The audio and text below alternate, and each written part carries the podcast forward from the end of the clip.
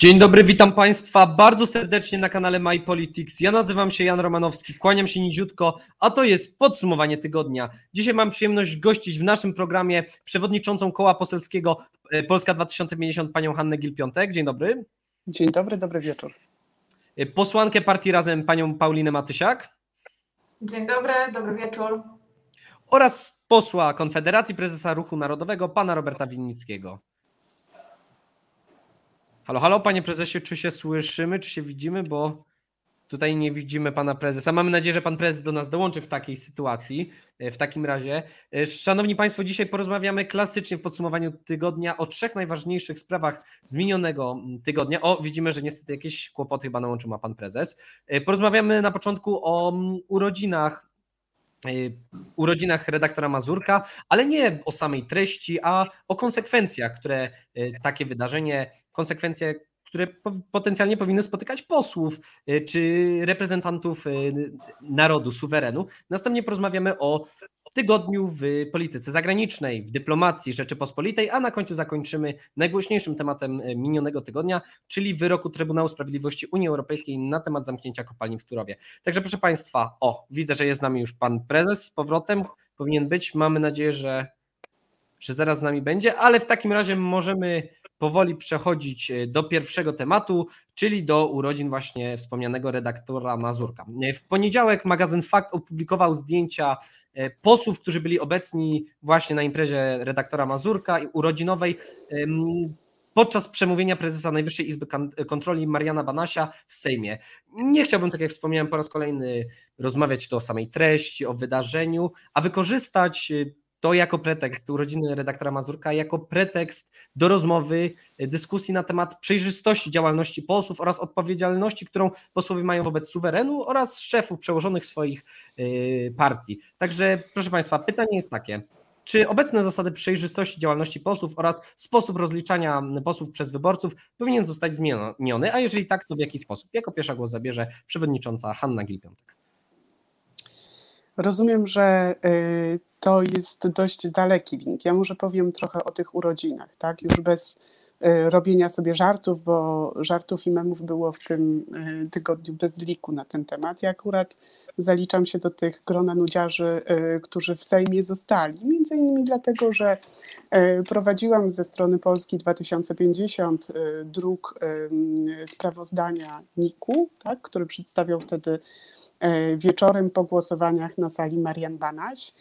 E, I wraz ze mną e, został jeszcze Tomasz Zimo, który po prostu interesuje się tymi sprawami, i Michał Gramatyka. Natomiast reszta posłów wyszła do swoich spraw, do swoich komisji, do swoich zajęć. I to jest też ważny punkt, dlatego że nam prasa zarzucała to bardzo często, że my jakby nie siedzimy do końca posiedzenia na sali plenarnej powiem tak, w momencie, kiedy ma się koło yy, siedmio, yy, ośmioosobowe, czyli siedmioro posłów i jednego senatora, to trzeba cały Sejm od, obskoczyć. Gdybym teraz wzięła telefon i pokazała, jak wygląda plan posiedzenia, że my mamy czasami równolegle nakładające się kilka komisji, to my rzeczywiście w dzień posiedzenia po całym Sejmie jako posłowie i posłanki biegamy. Y, tak samo jest w przypadku innych ugrupowań. To nie jest tak, że my cały czas siedzimy na sali plenarnej i jak nas tam nie widać, to nie znaczy, że nie pracujemy i nie ma nas w Sejmie, bo jesteśmy. Natomiast y, to był rzeczywiście koniec posiedzenia, posiedzenia ciężkiego, bo trzydniowego. Wcześniej jeszcze zwykle we wtorek jest dzień komisji, więc tak po 15 godzin mniej więcej dziennie trwają prace Sejmu. E, I e, wieczorem zdarzyło się rzeczywiście tak, że część posłów poszła na e, urodziny do redaktora Mazurka. No i widzieliśmy zdjęcia z faktu, które oburzyły dużą część społeczeństwa. I może tak, no ja się trochę nie dziwię, że oburzyły, dlatego że mm, wydaje mi się, że to to jest tak, że nie można z jednej strony mówić e, w mediach tak, że ktoś jest zupełnie zły, grozić mu Trybunałem Stanu, grozić mu e, bezwzględnym rozliczeniem, e, dzielić świat na czarny i biały, tak jak Donald Tusk podzielił ostatnio. To szczególnie właśnie dotyczy Platformy, tak? to znaczy ten, to dzielenie świata na dobro i zło, a z drugiej strony jakby iść i pić wódeczkę e, z e, osobami, które się wcześniej w mediach krytykuje. No to to jest jakby trudne do wyborców do zniesienia. I pewnie Pana pytanie w związku z tym dotyczy czy, y, takiego pomysłu mandatu związanego, o ile dobrze słyszę i dobrze rozumiem, bo mówi Pan o odpowiedzialności wyborców wobec wyborców, posłów wobec wyborców, tak? Oczywiście, Czyli- tak. Tak. Czyli to jest taki pomysł, żeby mm, wyborcy jakby odpowiadali, znaczy, żeby posłowie odpowiadali przed y, wyborcami, czyli jakby, żeby wyborcy, którzy głosowali na danego posła, mogli go w jakiś tam sposób rozliczać, nie wiem, odwołać i tak dalej, i tak dalej. E, W polskim systemie my odpowiadamy przed wszystkimi wyborcami, tak nie tylko przed swoimi wyborcami. Ja nie, nie reprezentuję tylko tych 14,5 tysiąca wyborców, które na mnie zagłosowało, ale jakby jestem posłanką mm, wszystkich ludzi w, całej Polsce, nie tylko tych mogących głosować, bo nie tylko Pani posłanko, ostatnie dwa zdania, proszę. e, załatwiam. Więc e, byłaby, znaczy z powodu tego chociażby, że głosowanie jest anonimowe, byłaby trudność w wprowadzeniu e, tego systemu, a poza tym w mojej opinii to by bardzo, bardzo zawężało zawężało odpowiedzialność posła, tak? bo my odpowiadamy jakby przed wszystkimi Polakami, a tak odpowiadalibyśmy tylko przed tą ilością wyborców, e, która nas wybrała. I to moim zdaniem byłoby no, trochę zbyt mało. Dziękuję bardzo. Połączył się z nami i niestety znów się rozłączył pan prezes. Mamy nadzieję, że uda się naprawić to połączenie. Następny głos zabierze posłanka e, partii Razem, pani Paulina Matysiak. Tak, e, odnosząc się do, do tej sytuacji, e, mm, która jest punktem wyjścia naszych rozważań, czyli tej e, mm, piątkowej, piątkowej imprezy, którą organizował redaktor Mazurek, no to ja powiem, mm, trochę może rozwinę ten głos, który zaczęła posłanka Gil Piątek, że faktycznie jest tak, że że posłowie generalnie też między sobą rozmawiają i nie ma w tym nic dziwnego. Nie ma nic dziwnego w tym, że gdzieś także w kuluarach e, przed posiedzeniami e, Sejmu czy posiedzeniami komisji przekonujemy się do naszych rozwiązań, do naszych, e, e, do naszych pomysłów. Więc nie ma też nic dziwnego, że także w sytuacji e, e, jakiejś odmiennej, w sytuacji takiej, e, w, w jakiejś luźniejszej atmosferze ci posłowie, ci sami posłowie też ze sobą rozmawiają. Natomiast w kontekście, e, w kontekście, w, w, w którym jesteśmy, czyli e, mm, jeśli chodzi o te fotografie polityków Prawa i Sprawiedliwości i polityków Platformy Obywatelskiej, którzy ze sobą e, sympatycznie rozmawiają, to jest problem, ponieważ, e, ponieważ faktycznie to są te ugrupowania, które tak naprawdę e, od siebie bardzo zależą, które same siebie napędzają, które bez siebie w zasadzie nie mogą istnieć. I tak jak Platforma jest totalnie antypisowska i, w, i po prostu i w swojej narracji, i w swoich i w swoim e, podejściu podobnie, e, podobnie e, anty-PO jest e, Prawo i Sprawiedliwość. Więc tak naprawdę te ostatnie wydarzenia pokazały tylko to, o czym e, też partia razem, e, generalnie Lewica mówi e, PiS, PO jedno, e, jedno zło. No, mieliśmy po prostu na to dowód. Natomiast faktycznie jest tak, że e, same posiedzenia Sejmu i praca parlamentarna nie jest najlepiej skonstruowana. W sensie ta logistyka jest e, naprawdę przedziwna i absurdalna. E, I e, po tych dwóch latach w polskim parlamencie można powiedzieć jedno, że można byłoby to zorganizować lepiej. Pokrywają się komisje ze sobą, e, komisje odbywają się i nie tylko te komisje, które dotyczą procedowanych ustaw czy jakichś tematów, które są, są istotne i gdzie po prostu bardzo zależy na czasie, na czasie, ale także te komisje, które są po prostu planowane, zaplanowane, odbywają się w czasie posiedzeń Sejmu, w czasie debaty parlamentarnej i tak naprawdę poseł bardzo często musi, poseł, posłanka bardzo często musi wybierać, czy wybrać się na salę plenarną, by zadać pytanie, wysłuchać debaty, czy jednak pójść e, na komisję i w komisji uczestniczyć. E, Wybór e, się komplikuje, kiedy jeszcze nakładają się na to komisje różne, w których pracuje i są one w jednym czasie, a tak też się zdarza. Więc e, faktycznie to jest bardzo, e, bardzo skomplikowane. Ja osobiście nie jestem zwolenniczką tego, żeby e, jakimiś instrukcjami wiązać, wiązać posłów, posłanki, parlamentarzystów. Nie mam, znaczy nie, nie widzę w tym momencie takiej możliwości ani takiego sposobu, jak można byłoby to realnie, sensownie zorganizować. Oczywiście takim momentem są zawsze każde wybory i to jest to miejsce rozliczania swoich parlamentarzystów, tych parlamentarzystów, których pracę oceniamy, a którzy ubiegają się o reelekcję, y, czy zagłosować na, na te osoby ponownie, czy one nas godnie reprezentowały w parlamencie, czy realizowały tę agendę, czy, czy te obietnice, które we wcześniejszych wyborach y, mm, przedstawiały i obiecywały. I myślę, że w 2023 roku y, mm, Polacy będą mieli, bę- będą mieli możliwość y, odnieść, y, odnieść się do tego i ocenić pracę y, parlamentarzystów ze swoich okręgów, czy też może i z innych okręgów, jeżeli będą y, startować w, w innych miejscach. To jest właśnie to miejsce, kiedy y, y, tak szeroko rozumiane w cudzysłowie instrukcje y, suweren przekazuje, wybierając te ugrupowania, czy I wybierając pani posłanko, Tu postawmy kropkę, tu postawmy kropkę. Dziękuję uprzejmie. Mam nadzieję, że pan prezes nas słyszy i widzi. Panie prezesie, czy się słyszymy? Halo, halo, panie prezesie?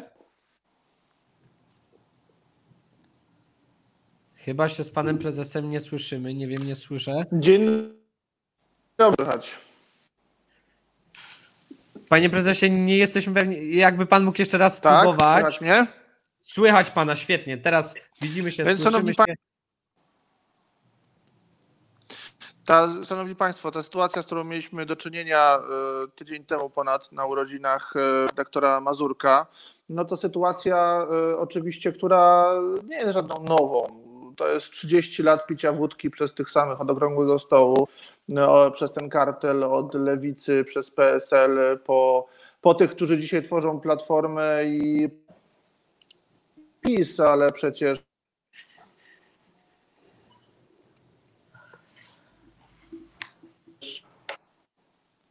Halo, Coś się halo. nam zacina. Coś- od coś początku lat tam- 90. byli Mamy tu jakieś problemy na łączu z panem, panem prezesem. Mamy nadzieję, że jeszcze, jeszcze do nas dołączy. Także na chwilę jeszcze czekając, mając nadzieję, że pan do nas dołączy w trakcie, jeszcze chwilę porozmawiamy o tym temacie, a ewentualnie przejdziemy do kolejnego i dołączy do nas, e, pan do nas dołączy w, przy, przy okazji kolejnego tematu. E, Pierwsze pytanie jeszcze dodatkowe do, do pani przewodniczącej. E, Polska 2050, szczególnie po ostatnim kongresie, jest coraz częściej określana jako, jako partia postulująca w jakiejś mierze demokrację bezpośrednią, być może nie taką, jaką postuluje Paweł Kukiz i ugrupowanie Kukiz 15 Demokracja Bezpośrednia, aczkolwiek mimo wszystko jest to rodzaj de- demokracji bezpośredniej. Czy w takiej sytuacji referenda na przykład nad odwołaniami posłów w konkretnym okręgu nie byłyby w jakiejś, w jakiejś mierze zgodne z nowym motto, z, z, nową, z nowymi postulatami Polski 2050?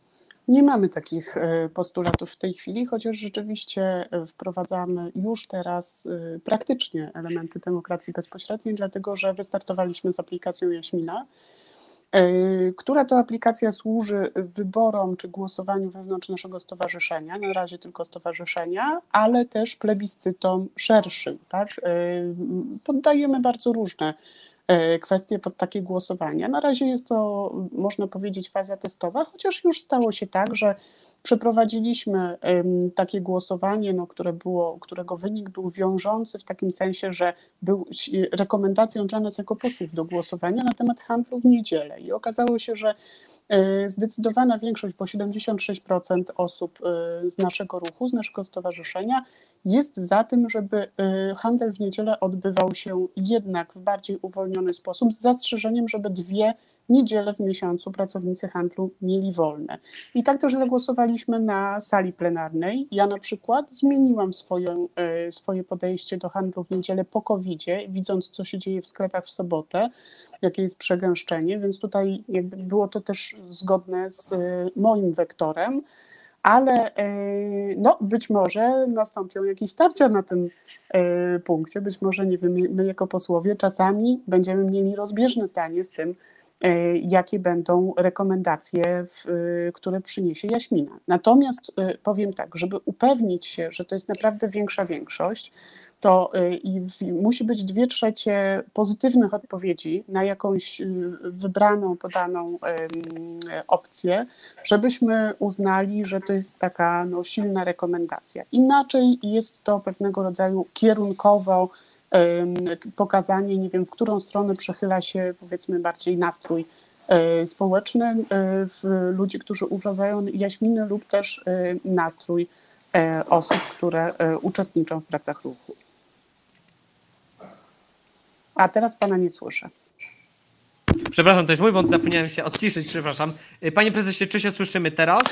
Halo, halo.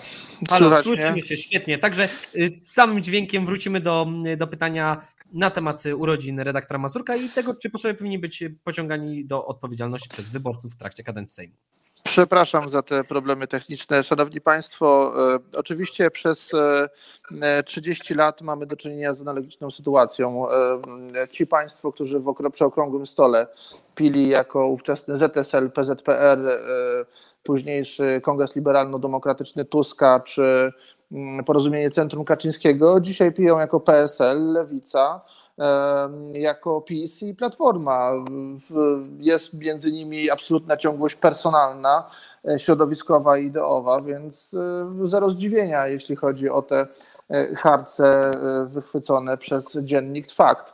Natomiast co do zasadniczego pytania, które Pan zadał, czyli pytania o, Szanowni Państwo, kwestie, czy można w jakiś sposób bardziej posła rozliczać, czy przypisać do, do tego, żeby mm, wyborcy mogli go rozliczyć.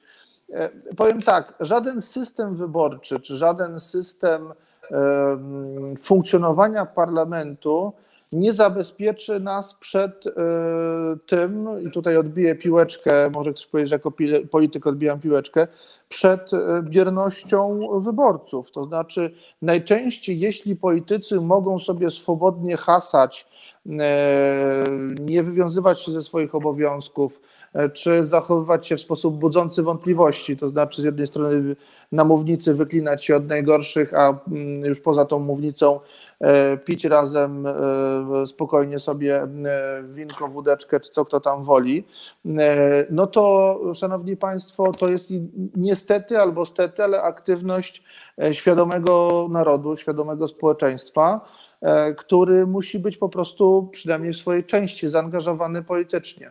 E, Zaangażowany politycznie, pilnujący swoich wybrańców do parlamentu, współpracujący z nimi z jednej strony, a z drugiej strony e, właśnie e, aktywnie poniekąd rozliczający ich e, w, z, z, tego, co, z tego, co robią. Nie widzę w demokracji żadnego innego sposobu, żadnej innej metody na to, e, żeby, mm, żeby to funkcjonowało dobrze. Dziękuję bardzo, panie prezesie. I teraz przejdziemy do kolejnego tematu, y, czyli do tematu polskiej dyplomacji. W kończącym się tygodniu bardzo wiele się działo właśnie we wspomnianej dyplomacji. Prezydent Andrzej Duda wraz z małżonką y, oraz minister spraw zagranicznych Zbigniew Rau pojechali w delegacji y, do Nowego Jorku, między innymi na sesję plenarną y, organ, or, Organizacji Narodów Zjednoczonych. Prezydent Andrzej Duda oprócz tego odwiedził innymi strefę zero, czyli miejsce katastrofy 11 września 2001 roku oraz wygłosił przemówienie na wspomnianej przeze mnie przed chwilą sesji ONZ. Y, Prezydent podczas swojego przemówienia poruszył innymi tematy pandemii, szczepionek solidarności, y, oraz solidarnościowi, solidarności przepraszam, szczepionkowej z biedniejszymi państwami, czy też walce ze zmianami klimatycznymi. W ostrych słowach odniósł się również do sytuacji na Białorusi, rosyjskiej agresji na Ukrainę oraz Nord Stream 2. Podczas pobytu w Nowym Jorku spotkał się również m.in. z prezydentami Brazylii, Jairem Bolsonaro oraz Turcji, Recepem Erdoganem, co zostało przez wielu komentatorów y, uznane za bardzo kontrowersyjne, gdyż ci panowie są znani ze swoich y, autorytarnych, y, totalitarnych Poglądów. zapędów. Jednocześnie ni- pan prezydent nie No, z spotkał tymi się... totalitarnymi to już nie przesadzajmy. No to już, To cytujemy, panie prezesie. e, Tu zaraz, zaraz będziemy dyskutowali, otworzymy tutaj miejsce do dyskusji. Natomiast nie spotkał, prezydent Duda nie spotkał się natomiast z prezydentem Stanów Zjednoczonych Joe Bidenem, co przez wielu zostało za to odebrane jako porażkę polskiego prezydenta, kancelarii prezydenta. Ponadto minister spraw zagranicznych Zbigniew Rau spotkał się z, w Nowym Jorku z szefami dyplomacji Armenii i Azerbejdżanu e, w sprawie konfliktu o Górski Karabach oraz ze Sergiejem Ławarowem, swoim rosyjskim odpowiednikiem.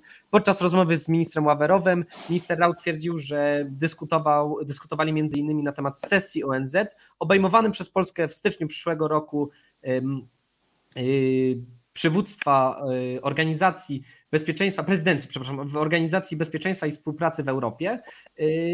Pan minister Rao oraz biuro prasowe rosyjskiego MSZ-u informowało również, iż ministrowie rozmawiali na temat relacji bilateralnych, w tym sytuacji na granicy polsko-białoruskiej czy o Smoleńsku i wraku prezydenckiego Tupolewa. Panowie zapowiedzieli również, że jest to e, pierwsze, ale nie ostatnie w tym roku, pierwsze, ale nie ostatnie w tym roku spotkanie, gdyż czeka nas jeszcze kolejne spotkanie między szefami polskiej a rosyjskiej dyplomacji w 2021 e, roku. Także czy Państwo sądzą, że spotkanie prezydenta Dudy i ministra spraw zagranicznych w tym tygodniu świadczą o zmianie kursu polskiej polityki zagranicznej, szczególnie wobec e, Rosji? Tym razem e, jako pierwszy głos zabierze pan prezes Robert Winnicki.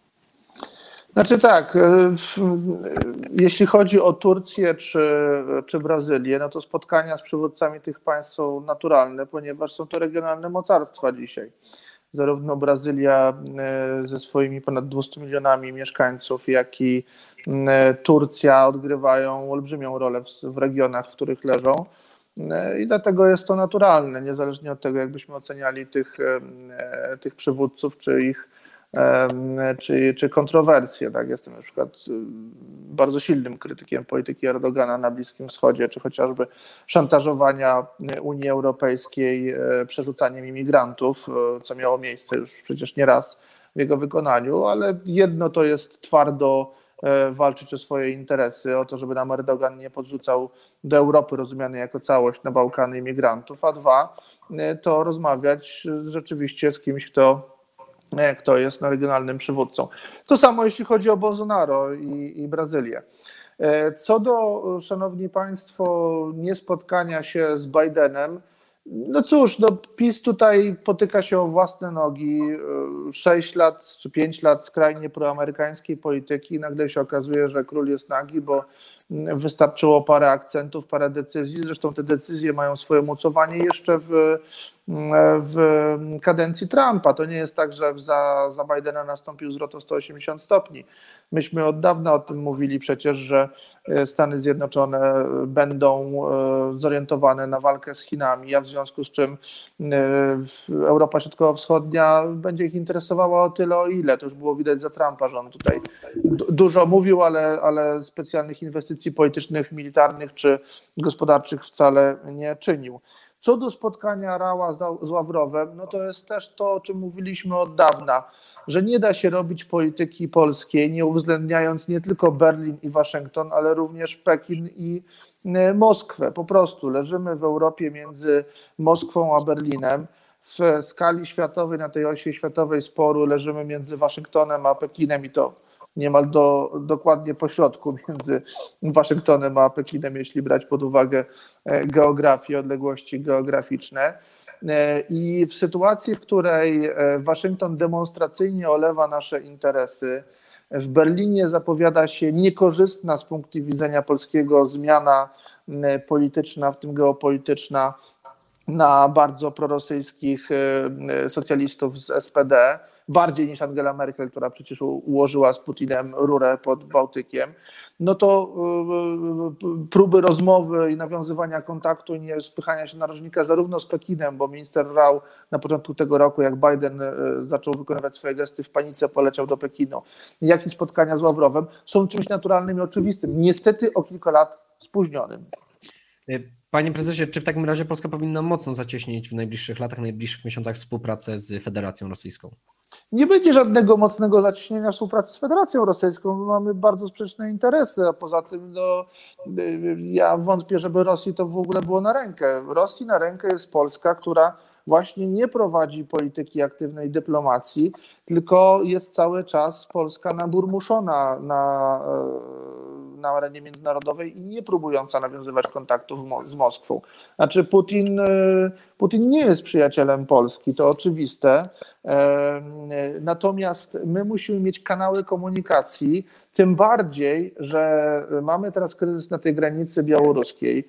Ten kryzys y, no to jest efekt też na pewno przyzwolenia Putina, bo Łukaszenka po zeszłym roku już jest absolutnym marionetką w, w rosyjskich rękach. On już nie ma żadnej praktycznie samodzielności.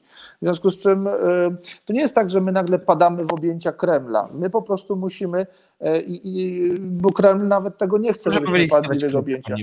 Tak, y, chodzi o to, żeby, y, żeby nie było tak, że w Europie Środkowo-Wschodniej dyskutują wyłącznie Niemcy z Rosjanami ponad naszymi głowami. Jeśli chcemy tego uniknąć, to sami z tymi Rosjanami musimy rozmawiać. Dziękuję bardzo panie prezesie i jako kolejna głos zabierze pani przewodnicząca Hanna Gil-Piątek. Znaczy, kiedy pan y, zapytał o, y, o to, czy jak oceniam spotkania pana prezydenta Dudy i ministra spraw zagranicznych o y, chyba dla większości Polaków nieznanym nazwisku, bo pan minister Rał jest po prostu nieobecny w polityce nie tylko polskiej, ale i zagranicznej. Trudno go zapamiętać, trudno go w ogóle jakby odnaleźć w pamięci, tak? To pomyślałam sobie, chyba chodzi o ich spotkania samych ze sobą i uśmiechnęłam się tutaj, dlatego że tak wygląda po prostu polska polityka zagraniczna. Znaczy on, ona jest de facto nieprowadzona. My mając, znaczy zniszczyliśmy tak naprawdę dobre relacje ze wszystkimi sąsiadami. Yy, Pokłóciliśmy się ze wszystkimi, pokłóciliśmy się z Czechami, to wiadomo, o Turów o tym będziemy jeszcze dzisiaj rozmawiać, ale też yy, wysyłaliśmy nieraz yy, wrogie i jakieś takie no, zupełnie niepotrzebne, niedobre sygnały w stronę Niemiec. Pamiętajmy, że w Niemczech na przykład toczą się w tej chwili toczy się kampania i za moment będą wybory. My prawdopodobnie e, po tych wyborach, jeżeli będzie koalicja tam z Zielonymi, zyskamy takiego sojusznika w sprawie no- Nord Streamu, bo Zieloni odnoszą się do Nord Streamu bardzo sceptycznie. Dlatego też w ogóle jakby tak nieostrożne kroki, jak nie wiem, oskarżanie jakichś polityków o współpracę z Niemcami w takim pejoratywnym sensie, jak to miało em, miejsce w telewizji publicznej. Mówię po prostu o tych materiałach em, hańbiących na Donalda Tuska. Nie ma tutaj nikogo z Platformy, ale to się po prostu nie powinno nigdy zdarzyć. E, Mogą mieć po prostu negatywne, negatywne, negatywny oddźwięk później dla naszych e, interesów i po prostu dla interesów kraju nie tylko w regionie, w Unii, ale też odbić się na naszym wizerunku i znaczeniu światowym. No ja nie, nie, nie dziwię się, że po e, próbie zamknięcia y, najważniejszej niezależnej stacji, czyli po próbie e, wprowadzenia w Polsce Lex TVN, e, prezydent Biden nie chce się spotykać z naszym prezydentem i go unika. Jest to absolutnie uzasadnione. Myślę, że wiarygodność dla e, zagranicznych, nie tylko dla amerykańskich inwestorów e, zburzyliśmy sobie na lata. Jednocześnie chcę przypomnieć, że no Polska, i to nieraz mieliśmy przykłady tego, na przykład podczas próby wprowadzenia podatku cyfrowego, e, uginała się wobec e, polityki dużych e, amerykańskich koncernów. To, to jest po prostu jakaś schizofrenia kompletna. To znaczy, z jednej strony działamy nie w swoim interesie, z drugiej strony rzeczywiście e, podważamy swoją e, wiarygodność. Mm, Nie dziwi mnie to, że y, przedstawiciele rządu, że pan minister y, Rał y, spotyka się z przedstawicielami y, państw no, o wątpliwej y, reputacji, jeżeli chodzi o demokrację. To niestety pasuje do PiSu, czyli znowu jakby nie budujemy relacji z demokratycznym światem, tylko z jakimiś no, krajami, które nie mogą uchodzić powiedzmy za wzór I nie chcielibyśmy mieć takiej, y, takich stosunków i tego typu przywódców y, tutaj w Polsce. Pani przewodnicząca, czy- pani nie- sądzi, że spotkanie jeszcze spotkanie między ministrem Rałem i ministrem Ławrowem jest dobrym krokiem? Czy, czy powinniśmy faktycznie zacieśnić tą relację z Kremlem w jakikolwiek sposób? Czy ta współpraca między Warszawą a Moskwą powinna być większa niż jest obecnie? Znaczy PiS realizuje politykę Kremla, panie redaktorze. To jest jakby najkrócej, jak mogę tutaj podsumować. Wzniecając y, wojnę polsko-polską, podsycając ekstremizmy, sypiąc panu Bąkiewiczowi na straż, y, na mar, y, m- m- Marsz Niepodległości, na straż y, Ruchu Narodowego, czy jak tam się to nazywa, 3 miliony złotych, czyli Straż de facto Narodowa. Straż Narodową. Ruch dokładnie. Narodowy, wiesz, Ja- samo, bez, bez pieniędzy rządowych. Przepraszam, ja wiem, że wy jesteście trochę tam pokłóceni w środku, więc no, staram się Współpracujemy. 11 precyzyjna. listopada Aczkolwiek, jest e, organizowany. aczkolwiek wiem, że tam są e, jakieś e, pęknięcia. No w każdym razie e, PiS niestety w Polsce realizuje agendę Kremla. Czy jest to realizacja zamierzona, czy nie? Myślę, że powinniśmy się tym bardziej martwić niż cieszyć. Oczywiście jakby stosunki ze wszystkimi krajami ościennymi są dla nas ważne. Rosja jest ważnym e, aktorem e, geopolitycznym, ale ja myślę, że powinniśmy najpierw jakby skierować e, się na pozyskanie możliwości współpracy czy rozmowy z krajami, którzy, które życzą nam dobrze i są naszymi sojusznikami. I tutaj właśnie mówię o tym spotkaniu, którego nie było z prezydentem Bidenem. Mnie to bardzo martwi i powinno to martwić nas wszystkich. Dziękuję bardzo Pani Przewodnicząca. Teraz y, Pani posłanka Pola Matysiak. Tak, ja y, myślę, że bardzo krótko. No, moim zdaniem no, wizyta jak wizyta, e, trochę pięknych e, przemówień, trochę wpadek, jak to z naszym prezydentem Andrzejem Dudą. Z pewnością też e, prezydent Andrzej Duda wiele się mógł nauczyć podczas tego wyjazdu, tak jak zawsze. Natomiast e, no cóż, e, mnie nie dziwi to, że on się nie spotkał z prezydentem e, Bidenem. W końcu sam jest przeświadczony, że, że prezydentem jest e, Donald Trump i zresztą to wynikało z tych wypowiedzi, których udzielał, mówiąc o administracji Trumpa, która ma teraz problem z Afganistanem. Natomiast ciekawe, ciekawe są te wypowiedzi dotyczące szczepień, dotyczące solidarności, bo bo faktycznie chyba jest tak, że trzeba było e, tego, żeby 20 milionów Polaków e, zaszczepiło się, żeby prezydent Andrzej Duda uwierzył w skuteczność e, szczepionki i, e, i mógł ją mm, zachwalać gdzieś na arenie międzynarodowej, bo pamiętamy też jego wypowiedzi o tym, jak on się boi szczepienia, jak on się boi igły i generalnie e, tutaj e, puszczał oko do, e, do antyszczepionkowców, e, szczep- szczepionkowców, e, nie chcąc zająć e, jasnego stanowiska. E, Teraz opowiada o solidarności międzynarodowej i o tym, mm, że wysyłamy szczepionki, natomiast no już e, zabrakło e, tego czasu, żeby powiedzieć o tym, że wysyłamy te szczepionki, ponieważ Polacy nie chcą się szczepić i akcja proszczepienna nie działa tak, jak powinna i tutaj wiele na sumieniu ma też polski rząd. Natomiast odnosząc się do tych kwestii dotyczących w ogóle słów o solidarności, one oczywiście padły w tym kontekście dotyczącym e, pandemii COVID-19 e, i szczepień. E, Myślę, że warto je przenieść na ten grunt nasz, bieżący polski i sytuacji na granicy polsko-białoruskiej, bo absolutnie w tym kryzysie, z którym się mierzymy jako państwo, żadnej solidarności nie widać. Mamy twarde działania, które doprowadzają do tego, że na tej granicy w, w bagnach umierają ludzie. E, I w żaden sposób, jakby na tę całą historię nie patrzeć, o solidarności mówić, e, e, mówić nie można. O tym też oczywiście prezydent Duda mm, się nie zająknął. Natomiast ubierając całą tą wizytę w pewien szerszy kontekst, nie tylko naszych relacji polsko-amerykańskich, to myślę, że warto tu podkreślić, że faktycznie polska dyplomacja, niezależnie na który kierunek będziemy patrzeć, kuleje. E, Będziemy za moment rozmawiać e, o Turowie i e, to jest doskonały przykład tego, jak wiele niedociągnięć, jeżeli chodzi o Ministerstwo Spraw Zagranicznych, o nasze podejście do tego, jak układamy się też z najbliższymi sąsiadami, naszymi sojusznikami, prowadzi do patowej, do patowej sytuacji. Dziękuję bardzo. Pani posłanko, jeszcze dodatkowe pytanie tutaj. Y, Prezydent Aleksander Kwaśniewski powiedział, że, y, i to cytuję, chciałbym, żeby Solidarność, o której mówił podczas przemówienia w Nowym Jorku prezydent Andrzej Duda, była nie tylko elementem eksportowym na użytek ONZ, ale częścią polityki krajowej. Także moje pytanie jest takie, czy z samą treścią Pani Partia Razem się zgadza przemówienia Andrzeja Dudy, aczkolwiek y, jak podchodzicie Państwo do realności rzeczy, o których mówił podczas, podczas sesji plenarnej? Znaczy, to są oczywiście wszystko ładne słowa ubrane, e, ubrane w tekst przemówienia, bo e, kiedy popatrzymy na działania rządów Prawa i Sprawiedliwości, to, e, to te słowa, które padały w, w przemówieniu Andrzeja Dudy dotyczące działań na rzecz bioróżnorodności, na rzecz dbałości o przyrodę itd., itd., no to przecież to można między bajki schować. To jest prezydent, który podpisał Lex Szyszko, którego rząd prowadzi dramatyczną politykę, a w zasadzie nie prowadzi e, żadnej polityki dotyczącej e, naszej przyrody. E, To jest rząd, który także, tak jak poprzednie, nie założył żadnego parku na, narodowego, chociaż e, e, prawdopodobnie widzi taką potrzebę, bo, bo gdzieś sobie PiS to wprowadził teraz w, w programie e, i w Nowym Ładzie, czy utworzy jakiś park narodowy, to, to oczywiście przyszłość pokaże.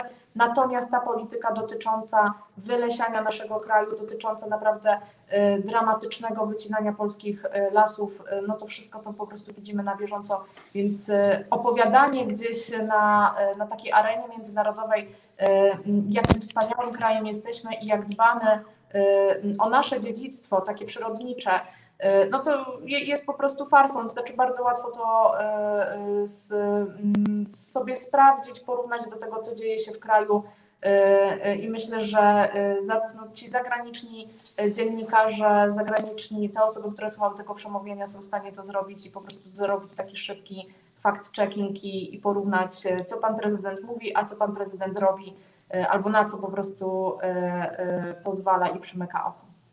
Dziękuję bardzo Pani posłanko. Nie widzę żadnych adwocem, także możemy przejść do ostatniej. A, widzę, widzę, dobrze. Jest Pani wyciszona. Pani, halo, halo, jest Pani wyciszona. Już, tak. już mówię, bo y, też jakby warto podkreślić, że y, tam pan prezydent no, zaprezentował pewne tezy dotyczące tego, co się dzieje na, w swoim wystąpieniu na forum ONZ y, na granicy białoruskiej. Tak? I tutaj no, nie może przejść bez echa to, że on jednak zaprzeczał, że tam dzieją się złe rzeczy i że zaprzeczał jakby tej, tej klęsce humanitarnej, której e, jesteśmy tutaj niestety współwinni. Tak? To znaczy no, nie można mówić takie rzeczy, takich rzeczy szczególnie na arenie międzynarodowej, więc tutaj no w tym akurat kawałku to była naprawdę klęska, te słowa po prostu nie powinny paść, bo tam umierają ludzie, E, umierają, znajdujemy ich po polskiej stronie. E, żaden stan wyjątkowy e, nie zmieni tego, że po prostu polskie państwo sobie z tym nie radzi. Jeśli można tutaj adwocem. Tak, proszę bardzo, panie prezesie. Oczywiście, że umierają ludzie. Co więcej, ludzie będą umierać i będą umierać zarówno na własną odpowiedzialność, bo oni ruszają w tę niebezpieczną podróż, jak i na odpowiedzialność Aleksandra Łukaszenki, który dokonuje masowego przerzutu tych ludzi przez granicę. Za ubiegły miesiąc to było bodaj 4 tysiące wychwyconych nielegalnych prób przekraczania, niestety bez solidnego ogrodzenia, którego tam cały czas nie ma. Straż Graniczna nasza nie jest w stanie nawet wszystkich prób powstrzymać. E, a po trzecie, współwinnymi są wszyscy ci, którzy mówią o przyjmowaniu imigrantów.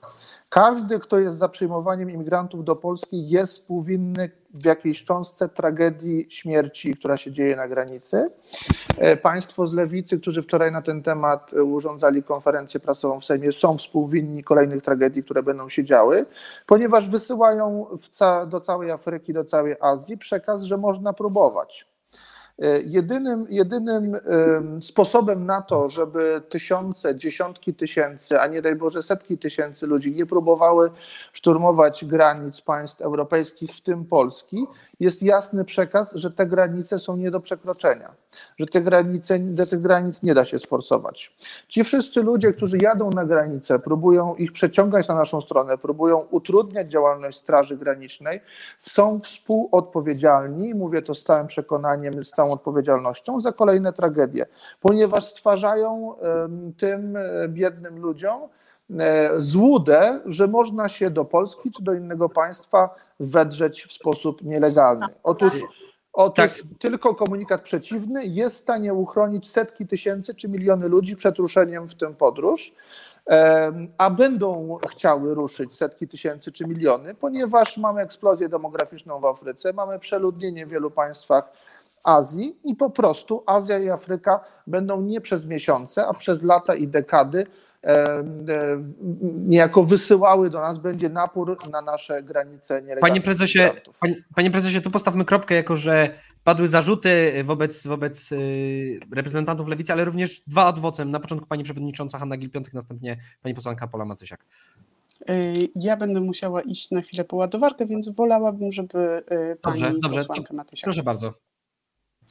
Tak, ja tylko krótko do tego, co przed chwilą słyszeliśmy. Przede wszystkim, jeżeli chcemy, żeby na tej granicy nie umierali ludzie, to po prostu trzeba tym ludziom pomóc, bo oni w tym momencie umierają dlatego, że nie mają co jeść, nie mają co pić, nie mają lekarstw, nie, nie mają dostępu do lekarza, y, nie mają podstawowych y, zapewnionych rzeczy. I procedura azylowa, którą można byłoby y, rozpocząć, pozwala na to, żeby tych ludzi właśnie nakarmić, napoić, dać im lekarza, i rozpatrzeć ich wnioski i sprawdzić, e, kim te osoby są.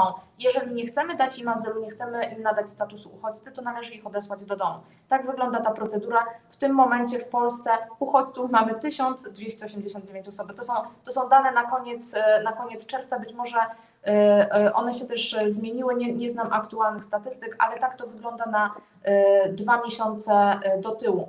I jeszcze jedna, jedna rzecz mamy naprawdę dramatyczną y, sytuację na tej granicy. Umierają tam ludzie i mnie naprawdę dziwi to, że przedstawiciel Konfederacji, który w zeszłym roku podpisał się pod wnioskiem do Trybunału Konstytucyjnego i uważa się za obrońcę życia, uważa, że tego życia nie należy bronić, kiedy mamy do czynienia z tym, że na polsko-białoruskiej granicy stoją ludzie, którzy mają ciemniejszy kolor skóry i umierają z pragnienia, umierają z głodu, umierają z chorób. Moim zdaniem to Pani- jest skandaliczna y, wypowiedź y, pana posła Winnickiego y, i na to nie będzie zgody ani lewicy, ani żadnego demokratycznego ugrupowania, które stoi na straży praw człowieka. Panie prezesie, będzie czas na ripost, ale jeszcze najpierw adwocem od, od pani przewodniczącej.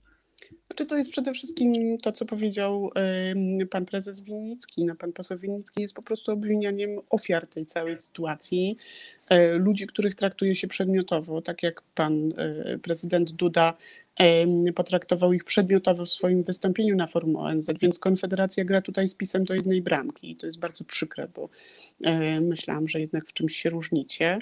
E, Naszym e, obowiązkiem jako polityków jest bezpieczeństwo, zapewnienie bezpieczeństwa Polsce i polskim granicom, ale bezpieczeństwo nie wyklucza człowieczeństwa osobom, które potrzebują pomocy i są na to środki prawne.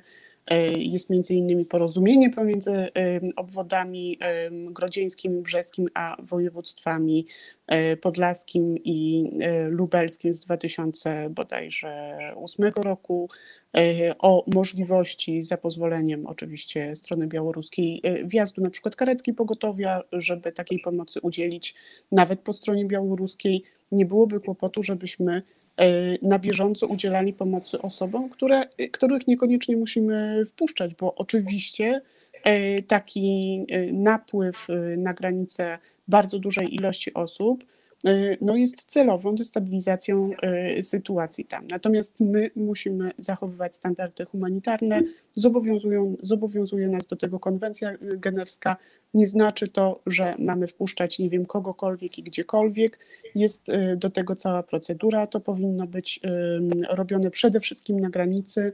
E, I ja się tutaj no, zdecydowanie nie zgadzam z tym, co pan przewodniczący powiedział. I myślę, że też nie powinniśmy się w ogóle wdawać w takie, e, znaczy nie powinniśmy tutaj dawać się w ten sposób, jakby rozgrywać i skłócać, tak? Bo e, to nie ci ludzie, którzy są w tej chwili przepychani jakby na, e, przez jedną i drugą stronę na białoruskiej granicy, co się tragicznie dla nich niestety kończy. I tu postawmy krok. E, Postawmy Są, są Ostatnie winni, zdanie, tylko winni pan, pan są, czas Winni na- są niestety politycy. Mógłby nam pomóc Frontex, nie korzystamy z tego, e, czyli nie wykorzystujemy de facto wszystkich środków, e, które moglibyśmy wykorzystać. Panie prezesie, czas na ripostę. Wnioski azylowe można składać w placówkach e, dyplomatycznych. E, Ci ludzie mogli złożyć te wnioski azylowe w Mińsku, mogli je złożyć w Bagdadzie czy w innym miejscu, w których są polskie placówki dyplomatyczne i tam się składa wnioski o azyl, jeśli chce się przekroczyć polską granicę. Te wnioski złożone nie zostały. E, Twarda postawa na granicy, jak pokazał przykład Bałkanów, jak pokazał przykład granicy węgierskiej, e, jak pokazał przykład granicy greckiej, jakiejkolwiek innej, jest jedynym sposobem na to, żeby e, fala migracyjna nie ruszała. I mówimy tu nie o problemie incydentalnym, e, że chodziło o 30 osób, czy 12 osób, czy 15 osób. Tu chodzi o zjawisko systemowe. W tym roku w samej Nigerii e, bilans demograficzny to jest plus 5 milionów ludzi. W tym samym czasie w całej Europie urodziło się 5 milionów ludzi i mniej więcej tyle samo zmarło. A w Nigerii, w- jednym państwie, największym państwie, najludniejszym państwie afrykańskim, jest to plus 5 milionów.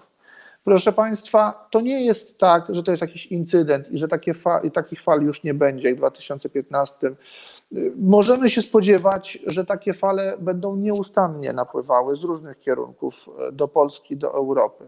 I oczywiście można robić to na dwa sposoby. Na sposób taki, jak Panie tutaj proponują, czyli na sposób taki, że jak będzie e, napierało 100 tysięcy, to przyjmiemy Nikt 10 tego nie proponował, kłamie jak- pan i proszę się jakby Pani- tak to się opowiadać. Przepraszam, zaraz- ale to zaraz- ja muszę zripostować, Tak bo się- Dobrze, dobrze, to będzie czas na ripostę. Niech pan, niech pan prezes Tak tylko to się. Tak to, się, tak to się kończy. Ja nie słyszałem, żeby Państwo się odcinali czy potępiali e, wybryki e, pana Starczewskiego, pani Jachiry czy e, inne tego typu rzeczy na granicy. Oczywiście Lewica mówi tutaj dwoma różnymi głosami. Zupełnie co innego mówił w poniedziałek w Radiu Białystok pan poseł Krutul, który jednoznacznie mówił bronić granicy, wzmacniać Straż Graniczną, budować wszelkie możliwe ogrodzenia, robić wszystko, żeby, żeby nie przepuszczać. E, a co innego wczoraj mówili na konferencji prasowej w Sejmie e, koledzy e, pani poseł Matysiak. Natomiast no, zrozumiałe, pan poseł Krutul nie chce przegrać kolejnych wyborów w województwie podlaskim, to jest naturalne, dlaczego, dlaczego tak mówi. Natomiast to wynika no, po prostu z tego, że ludzie wiedzą i ludzie na Podlasiu to widzą. I, I tu pani prezesie że po prostu tych ludzi jest coraz więcej i Straż Graniczna nie daje sobie rady i trzeba tam pobudować ogrodzenie, po prostu. I, i tu postawimy kropkę, y, ostatni adwocem Y, pani przewodnicząca Hanna Gil-Piątek. Znaczy to, to, co pan mówi, jest nieprawdą, bo nie trzeba jakby. Znaczy, to, że ktoś, nie wiem, nie potępia e, posłów, którzy próbowali nieść pomoc na granicy e, osobom, które tam znajdowały się w potrzebie i było ich rzeczywiście 30, to nie znaczy, że będzie teraz, nie wiem, otwierał bramy dla 100 tysięcy osób, e, bo to byłoby, byłoby po prostu niebezpieczne i nierozsądne. Więc jakby proszę, żeby pan poseł nie grał w piłeczkę, którą rzuca mu Jarosław Kaczyński, bo to po prostu niegodne Konfederacji. Konfederacja podobno miała się od PiSu odróżniać, to pozytywnie. Natomiast to nie znaczy, że ma być podobna do, do ostatnie, was, pani ostatnie, ostatnie słowo tutaj. Jeżeli rzeczywiście chcecie, żebyśmy uchronili się przed, przed y, dużą ilością migracji w przyszłości, e, to nieobecna próba destabilizacji przez Łukaszenkę, czy przez Kreml nawet y, sytuacji na naszej wschodniej wschodniej granicy wydaje się niebezpieczna, ale kryzys klimatyczny, który nas czeka, więc Konfederacja powinna tutaj rzeczywiście ramię w ramię ze wszystkimi innymi ugrupowaniami próbować zapobiegać kryzysowi klimatycznemu, który z Afryki, to już są duże y, y, i, wiarygodne obliczenia naukowe, w pewnym momencie rusz, ruszy rzeczywiście duża ilość y, migrantów do Europy z powodu efektu klimatycznego, zmian klimatu. Więc tutaj jeżeli chodzi o klimat, wszyscy powinniśmy chyba e, działać jednomyślnie jeżeli e, rzeczywiście zależy nam na tym, żeby te osoby nie cierpiały tam, nie wiem, z powodu głodu, z powodu e, klęsk żywiołowych, z powodu różnego rodzaju. I tu zakończymy ten segment bo musimy już przechodzić do kolejnego, proszę Państwa, segmentu, yy, czyli do wyroku Trybunału Sprawiedliwości Unii Europejskiej z poniedziałkowego popołudnia, w którym to CUE zadecydowało o tym, iż Polska będzie musiała płacić 500 tysięcy euro dziennie za każdy dzień działalności kopalni w Turowie. Pozew w tej sprawie wobec Polski wytoczył rząd czeski pod przewodnictwem premiera Andrzeja Babisza, który uzasadnia ów pozew tym, iż wydobycie, wydobycie węgla w Turowie zmniejsza poziom wód gruntowych na granicy polsko-czeskiej. Polski rząd, tak samo jak w maju, gdy nie zastosował się do środka tymczasowego w postaci tymczasowego zaprzestania wydobywania węgla. Dalej zapewnia o tym, że iż nie zakończy wydobycia węgla z Turowa, między innymi z powodu bezpośredniego związku kopalni z elektrownią węglową PGE, która również znajduje się w Turowie. Wielu komentatorów uznaje ten wyrok za porażkę rządu premiera Mateusza Morawieckiego, który to jeszcze na przełomie maja i czerwca zapewniał, że sprawa ta już została prawie rozwiązana i że Czesi e, wycofają pozew wobec Polski. Polski rząd próbuje jeszcze polubownie rozwiązać tą sprawę, między innymi w piątek wiceminister spraw zagranicznych e, gościł w Pradze, aczkolwiek e, ta rozmowa, ta dyskusja między stroną polską a stroną czeską zakończyła się fiaskiem i kolejne rozmowy mają się odbyć już e, w przyszłym tygodniu. Także proszę Państwa, czy uważacie Państwo wyrok Trybunału Sprawiedliwości Unii Europejskiej za sprawiedliwy i co Państwa zdaniem powinno być kolejnym ruchem rządu Mateusza Morawieckiego? Jako pierwsza głos zabierze Pani posłanka Paulina Matysiak. E, przede wszystkim to jeszcze nie jest wyrok chyba tylko zabezpieczenie i faktycznie ta rozprawa dopiero się odbędzie. Natomiast e, tutaj w tej całej sytuacji związanej z, mm, z kopalnią warto podkreślić to, że tak naprawdę ta sprawa pokazuje tylko nieudolność rządu Prawa i Sprawiedliwości, bo ten temat można było załatwić polubownie kilka miesięcy temu. Natomiast polska dyplomacja leży. Leży tak samo kwestia obsadzenia ambasady polskiej w Czechach. Nie mamy od ponad roku ambasadora i e, tutaj to jest naprawdę zastanawiające, że, że ciągle e, ten temat nie został załatwiony, bo przecież na tym poziomie dyplomatycznym wiele kwestii można byłoby można byłoby rozstrzygnąć, można byłoby, można byłoby się dogadać i zastanawiające jest to, jak, jak faktycznie sytuacja, sytuacja wygląda, bo kiedy słuchamy posłów, przedstawicieli rządu, posłów Prawa i Sprawiedliwości, to faktycznie wybrzmiewa z nich, że Polska jest tutaj liderem regionu, tak? My budujemy to porozumienie, wizję Trójmorza i tak dalej, a nagle się okazuje, że jeden z naszych sojuszników z, za naszej południowej granicy Czechy idzie, idzie z nami i z naszymi decyzjami do unijnego sądu, więc chyba trudno tu mówić o prawdziwym E, prawdziwym liderstwie. Natomiast jest to problem, który sobie Prawo i Sprawiedliwość e, zgotowało na własne życzenie, e, nie próbując go rozwiązać wtedy, kiedy był, był na to czas. I faktycznie my nie możemy w tym momencie wyłączyć tej, tej kopalni, wyłączyć tej elektrowni. Tutaj kwestia dotyczy kilkunastu tysięcy do kilkudziesięciu tysięcy miejsc pracy. Mówię o, o tych osobach, które są zatrudnione w tych miejscach, ale też wszystkich branżach, które, które gdzieś dookoła obsługują cały ten sektor energetyczny. I faktycznie potrzebujemy prawdziwej transformacji energetycznej, realnego, prawdziwego planu rozpisanego na kolejne lata i tego Prawo i Sprawiedliwość nie robi. To jest problem, z którym będziemy się mierzyć my, będą zmierzyć się także kolejne rządy i to jest kwestia, którą należy zrobić i ta transformacja po prostu musi zostać przeprowadzona, natomiast to musi być uczciwa transformacja. Ona nie może y, polegać na tym, że wprowadzamy jakiś plan, a pracowników y, y, tych obecnych zakładów zostawiamy na lodzie, zostawiamy samych sobie. My widzieliśmy, jak, to, jak wyglądała ta transformacja na przełomie lat 80. i 90. i jakie e, konsekwencje e, ta transformacja miała na życie całych społeczności i w zasadzie ma do teraz. Więc na to tutaj zgody na pewno lewicy, lewicy nie będzie. Natomiast no, ja czekam na jasne rozwiązania ze strony rządowej. No szkoda, że nie ma przedstawiciela klubu PiS dzisiaj z nami, mimo że miał być, bo może by nam coś powiedział ciekaw, ciekawego na ten temat. Natomiast no jest, to, jest to sprawa, której na pewno się będziemy, będziemy przyglądać dalej.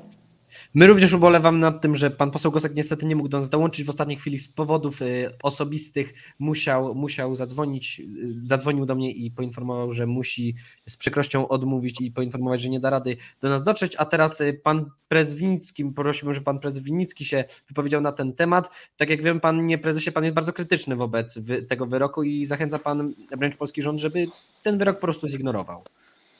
Tak, wyrok należy zignorować. Nie będziemy pierwszym państwem, które ignoruje wyrok e, Trybunału Sprawiedliwości, raczej Trybunału Niesprawiedliwości Unii Europejskiej w związku z czym nic wielkiego się nie wydarzy. Natomiast y, trzeba też powiedzieć dwie rzeczy o tym Trybunale. Po pierwsze, on przekroczył swoje uprawnienia, idąc tak daleko w tym wyroku, działał poza swoimi kompetencjami. Natomiast y, druga rzecz jest taka, trzeba też powiedzieć, że ten Trybunał jest obsadzany z politycznego klucza, nie? Także, także miejmy tego, y, tego, tego świadomość. Natomiast co do samego y, Turowa i tutaj polityki energetycznej, klimatycznej, bo Turów to jest zaledwie pewien przejaw. Oczywiście przejaw też hipokryzji, bo po stronie, ja y, pochodzę z tego regionu, wychowałem się w tym regionie, połowa rodziny pracowała w Turowie swego czasu, czy to w kopalni, czy to w elektrowni, czy w, w e, okolicznych e, przedsiębiorstwach współpracujących.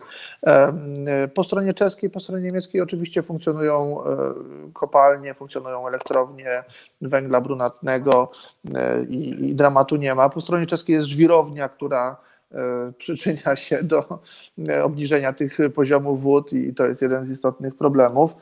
E, natomiast błędy zostały popełnione przez rząd PiSu, zarówno na poziomie udzielania tej koncesji, e, jak i na poziomie już potem tych dramatycznych e, zabiegów dyplomatycznych. No to jest kompromitujące, co oni tam wyprawiają, łącznie z tymi deklaracjami premiera. I tutaj pani poseł Matysiak stwierdziła, że nie mamy od roku ambasadora. No, na poprzednim posiedzeniu Sejmu było przesłuchanie na Komisji Spraw Zagranicznych kandydata na ambasadora w Czechach. No i może to jest bardzo ciekawa postać, która została nam zaprezentowana podczas tego przesłuchania, no ale facet się e, ewidentnie nie nadaje po prostu. No, no jest to bardzo ciekawa, bardzo postać, ale no nie jest to człowiek, którego należało wysyłać do, e, do Czech, zwłaszcza w takim kryzysie. E, to, to, to jakaś zupełna pomyłka. E, ze strony rządu. Mam nadzieję, że oni do tej nominacji jednak nie dopuszczą, bo to nawet y, Wawrzyk, na, minister Wawrzyk na tej, e, na tej komisji y, musiał poskramiać niektóre wypowiedzi e, kandydata na ambasadora i miałem wrażenie tak z, z relacji, że również strona rządowa była nieco zażenowana. Natomiast tu jest jeszcze y, tylko jedno adwocem od razu zrobię do, do wypowiedzi pani, pani przewodniczącej Gil-Piątek z, z poprzedniego odcinka, że tak powiem, y, co do tego kryzysu klimatycznego i do Afryki, bo oczywiście walka z Turowem i z kopalniami, i z wydobyciem węgla i z tym, że musimy iść y, transformacją energetyczną tempem unijnym zamiast swoim, no to jest trochę taki chochoł, bo ja się zgadzam, że emisja dwutlenku węgla ma wpływ na, e, na, na tam jakieś zmiany klimatyczne w te czy we w te.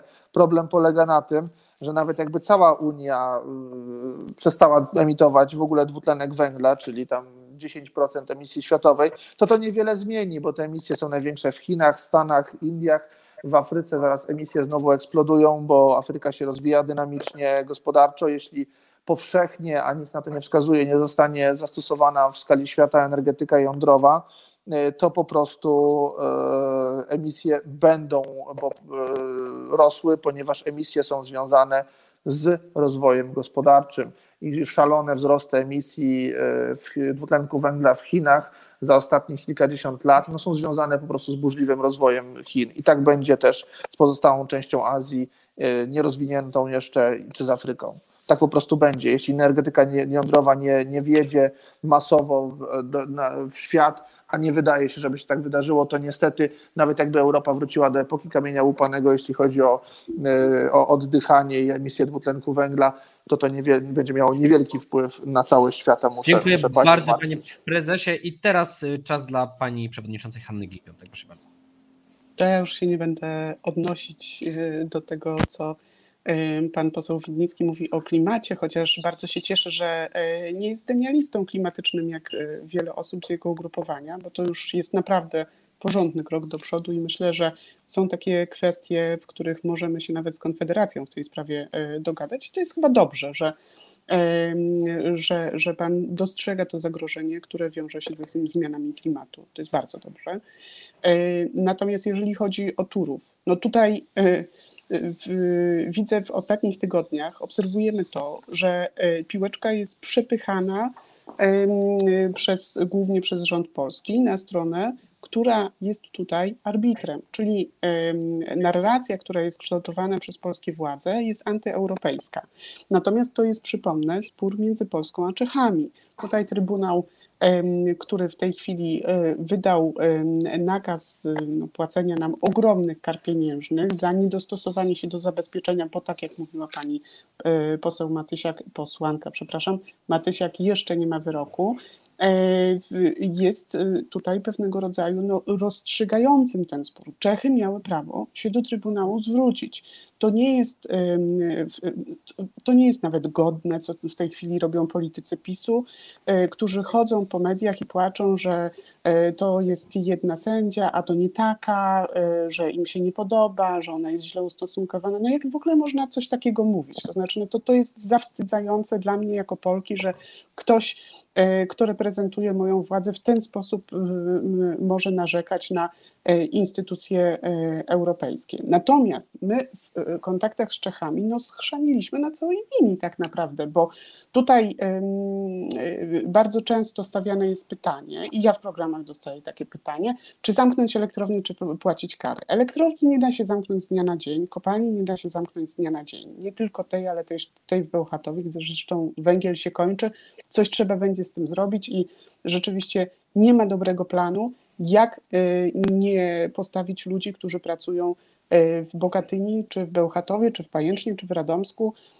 przed taką wizją jak transformacji brutalnej, jaką mieliśmy w latach 90. PiS po prostu nie dba o tych ludzi, którzy tam e, pracują.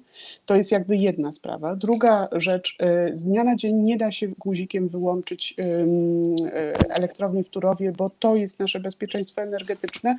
Owszem, to jest 2 do 4%, władze mówią czasem o 7%, obojętnie ile to jest procent, tego się po prostu nie zrobi z dnia na dzień. To jest jakby druga rzecz. Ale trzecia rzecz jest taka, że to nie owołuje połączenie chodzi, tylko chodzi o to, że my jesteśmy tutaj w sytuacji klasycznego konfliktu interesów między stroną czeską a stroną polską i naprawdę mogliśmy zrobić bardzo wiele, żeby interesy Czechów w tej sprawie zabezpieczyć. Chodzi tutaj, znaczy te dwie strony, polska i czeska, wyglądają jak dwo, dwóch ludzi, którzy trzymają jajko. Jednemu zależy na skorupce, drugiemu na żółtku, ciągną to jajko i w końcu je jakby stłukli. Tak? I, I w tej chwili doszło do sytuacji, w której e, rzeczywiście musimy e, te unijne, znaczy sto, stoimy pod groźbą potrącania nam tych ogromnych unijnych e, kart z transz funduszy unijnych. Natomiast Czechom wcale nie zależy na tym, żeby elektrownia w. Turownie została zamknięta. Tylko chodzi im o to, żebyś, żeby skutki środowiskowe przez Polskę zostały skompensowane. I my naprawdę powinniśmy w tej chwili biegiem udać się i usiąść i posłuchać, czego Czesi tak naprawdę od nas chcą.